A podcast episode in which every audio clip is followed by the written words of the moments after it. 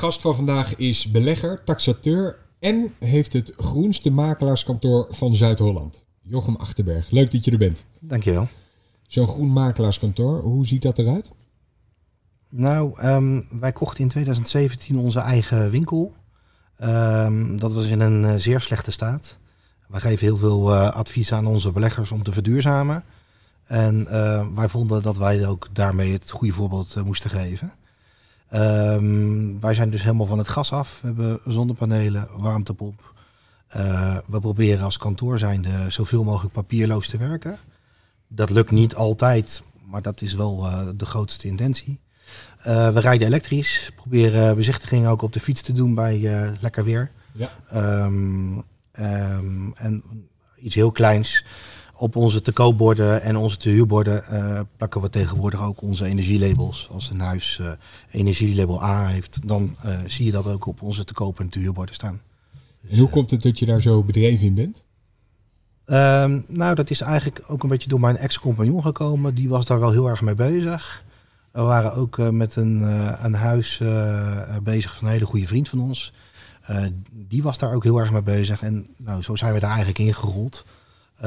En ook omdat we het advies aan onze beleggers geven om te verduurzamen, nou ja, is dat eigenlijk gewoon wel aangesterkt. Je geeft een advies aan, aan de beleggers, waar je, want je hebt een beheerportefeuille ook. Um, is dat echt nodig om ze te adviseren? Of weten een hoop beleggers zelf al dat ze moeten gaan verduurzamen? Uh, nu wel. Door ons. Ja. Um, kijk, op het moment dat je een huis verhuurt, moet je je houden aan de puntentelling. En um, nou, hoe beter energielabel, uh, hoe meer punten je kunt, uh, bij elkaar kunt halen. het hebben van een energielabel B heeft bijvoorbeeld al 28 extra punten. En dat maakt het gewoon dat het veel makkelijker in de vrije sector te verhuren valt. Dus dat is een win-win situatie. En daar geven we veel informatie over aan onze beleggers. En dat is eigenlijk ook wat we altijd adviseren. Op het moment dat we een oud huis kopen, isoleer het, renoveer het. Zorg je dat je makkelijker in je vrije sector bent en dus vrij om de huurprijs te bepalen. Je geeft aan dat je bij de, de verhuurborden of de verkoopborden heb je een energielabel wat je eigenlijk op het bord plaatst. Ja.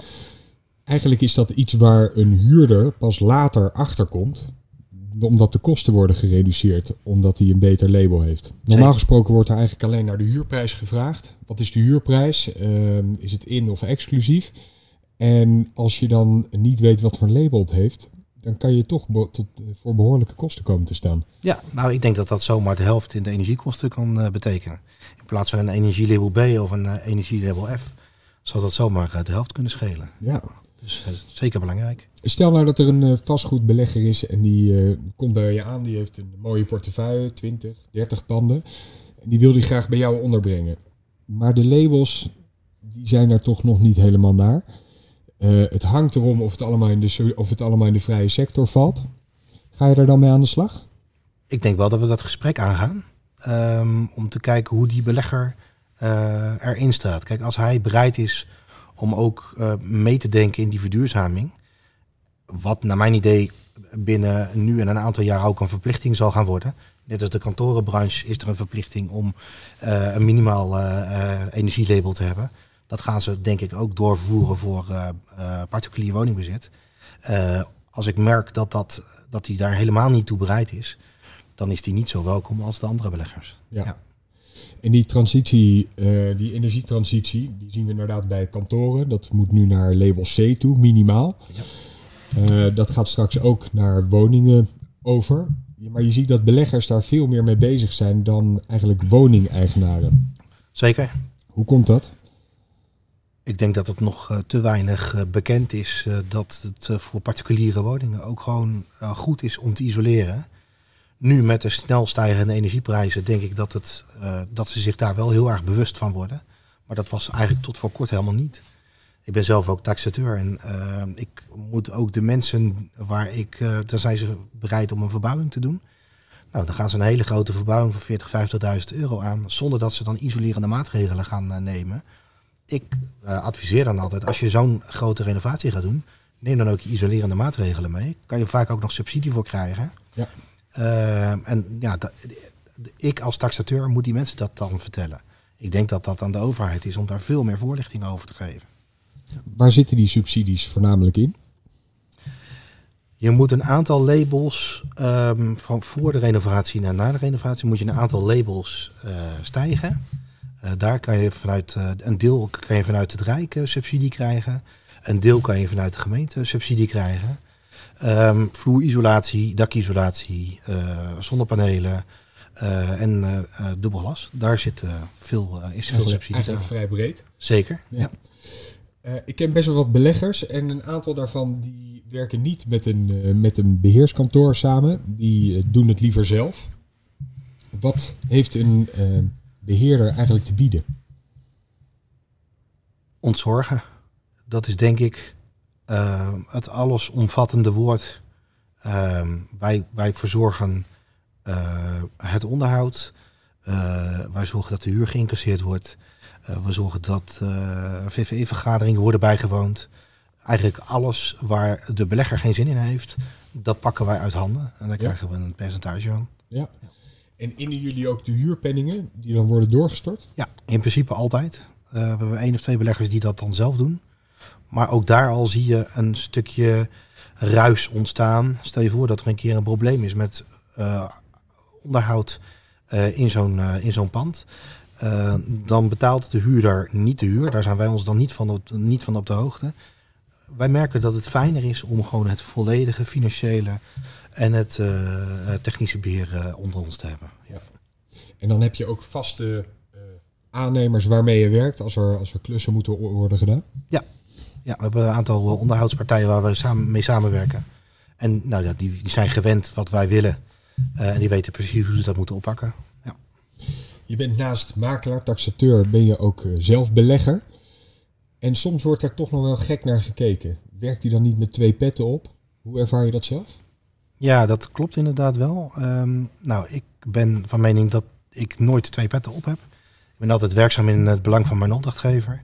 Alleen, ik ben een zelfstandig ondernemer en ik heb op een gegeven moment ook besloten om voor mijn eigen pensioenvoorziening uh, uh, te gaan zorgen. En ik heb dus inderdaad een aantal uh, appartementen die gewoon vanuit Funda gekocht zijn.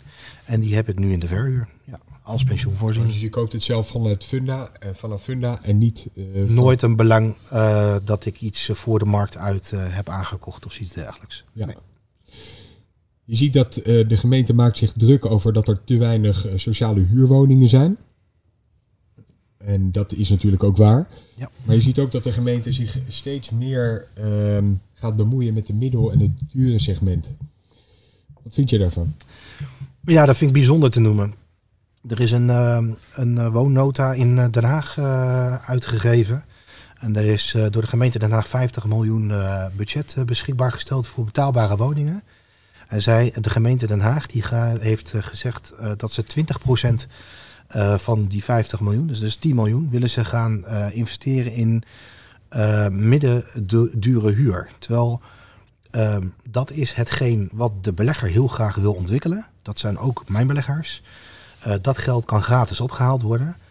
Waarom gaat de, uh, er wordt dus een, middels een opkoopbescherming worden de beleggers uh, beperkt in het aankopen van appartementen en dus het realiseren van middeldure huur. Um, en zij gaan zelf die pet opzetten. Zij kunnen beter die 10 miljoen extra investeren in de sociale huurprijzen, in het sociale probleem, want daar zijn de wachttijden ook heel erg groot. En de middeldure huur, die kun je onder bepaalde restricties gewoon aan de beleggers overlaten. Die zijn bereid om heel veel geld te investeren. Maar wat is dan de reden dat zij zich daar toch mee bemoeien? Komt dat omdat de huren eh, buitensporig zijn momenteel? Of op sommige, in sommige panden? Ja, maar ik denk dat je daar restricties op kan, kan leggen. Van oké, je mag uh, dit, dit mag je nieuw bouwen maar dan wel onder uh, bepaalde huurprijzen. Ja. Dat je uh, bijvoorbeeld de puntprijs eh, moet aanhouden in die investering. En ik begrijp wel dat ze ook menging sociale woningbouw en uh, middeldure huur door elkaar heen willen hebben. Maar ook daar kan je de belegger bij betrekken. Dat hoeft niet alleen maar vanuit de gemeente te gebeuren. Ik denk dat de gemeente, het grote probleem van de woningkrapte is ook het sociale vlak. Ja. Er zitten veel te veel oudere mensen die zitten gevangen in een veel te groot huis voor 500 euro huur die zouden eventueel... Een sociale woning. Sociale woning. Die zitten er al 30 jaar. Die zouden heel graag weg willen, want die hoeven niet een heel eengezinshuis te hebben. Die zijn best bereid om naar een appartement van 50 vierkante meter te gaan. Alleen die huurprijs van die appartementen van 50 vierkante meter, die zijn 1000 euro. En dat kunnen ze niet betalen. Ja. Dan kan je beter die 10 miljoen pakken uh, en daar, uh, dat soort uh, problemen oplossen. Dus waardoor je grotere woningen weer beschikbaar krijgt voor jonge gezinnen. Dus dat de doorstroming beter is. Bij de ouderen, ja. ja, ja. Dat is wel een idee. Je bent de voorstander dat de gemeente beter gaat samenwerken met beleggers, hè? Ja. Hoe zou dit zich moeten ontwikkelen? Nou, het is nu voor mijn gevoel constant weer een regel bedenken om beleggertje te pesten. Uh, terwijl de belegger die is gewoon bereid om in de stad Den Haag heel veel geld te investeren. En tuurlijk zit er een verdienmodel achter. Um, maar, maar uh, elke ondernemer heeft een verdienmodel. Of een stukje pensioenvoorziening, of inderdaad een, een deel onderneming. Daar is niks mis mee. Je kan beter gaan samenwerken met mensen die bereid zijn om te investeren in de stad. In plaats van dat je constant maar probeert de beleggers weg te houden. Ja. Er komen elke uh, jaar komen er 5000 nieuwe uh, mensen in Den Haag wonen. Uh, een deel daarvan die wil niet kopen. Dus die moet ook gaan huren.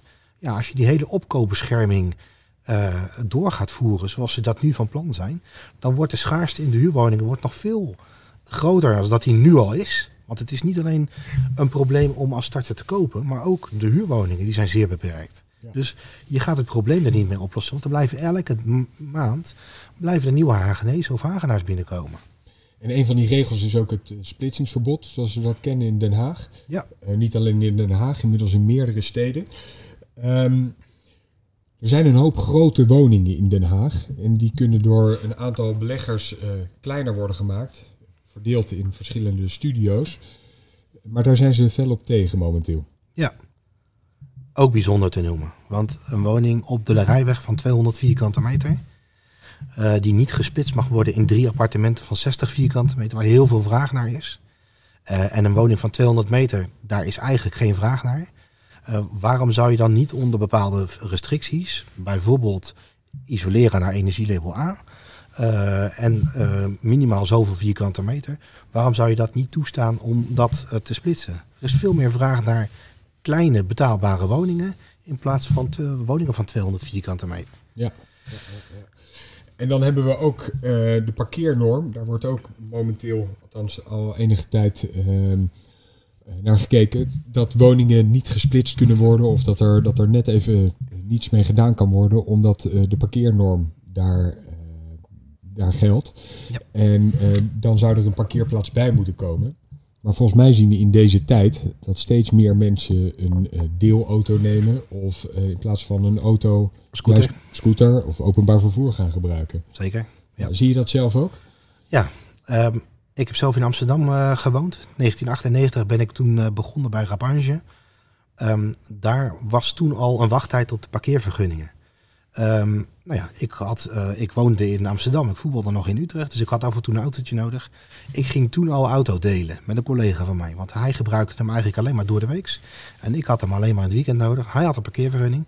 Wij waren al auto's aan het delen. Waarom kan je dat nu, anno 2022 in Den Haag, niet zodanig invoeren?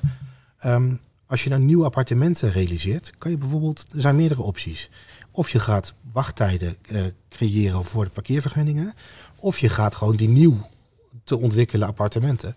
Daar geef je een verbod op een parkeervergunning. Ja. Daar ga je dan jonge mensen in krijgen. En dat huis, dat huisnummer, is gewoon een, belemmerd in het verkrijgen van een parkeervergunning.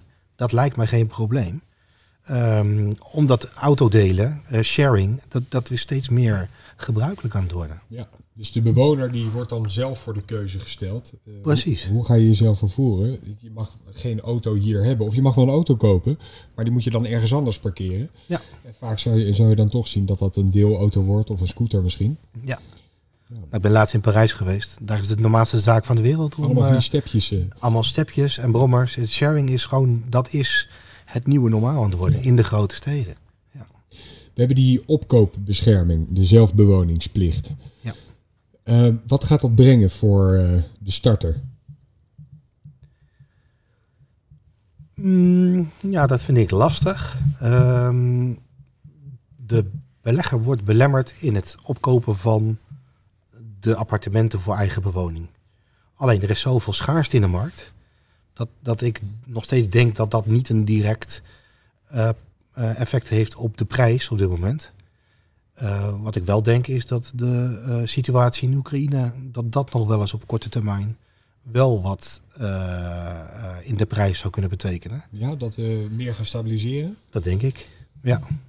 Ehm, maar er blijven nog steeds heel veel mensen naar Den Haag toe komen, ook jonge mensen. Exact. En als die kunnen kopen, blijven die ook nog steeds ehm, overbieden. Dus die schaarste is enorm. Ja. Hoe zouden die schaarste nou kunnen oplossen? Is dat, is dat echt alleen maar door bij te bouwen of inderdaad ook eh, meer woningen splitsen? Ik denk dat het een combinatie van eh, factoren is. Dus bijbouwen, splitsen en eh, de mensen die in, al heel lang in een te grote woning zitten, die door laten stromen. Ja. Ja. Ze geven wel aan dat het splitsen, daar hebben ze op een gegeven moment een halt toe geroepen, net als de verkamering in Den Haag, omdat ze vinden dat de leefbaarheid onder druk komt te staan. En zie je dat zelf ook zo? Eh, in sommige situaties wel. Ehm, maar bijvoorbeeld de verkamering eh, tegengaan. Tot voor kort kon je een woonhuis van 80 vierkante meter. Die kon je gewoon, eh, een vierkamer appartement. Dan had je drie slaapkamers met een gemeenschappelijke woonkamer. Daar kon je gewoon prima drie jonge mensen, jong werkenden of studenten in huisvesten. En daar, daar is nu een belemmering voor opgelegd. Ja, dat snap ik niet helemaal. Ja.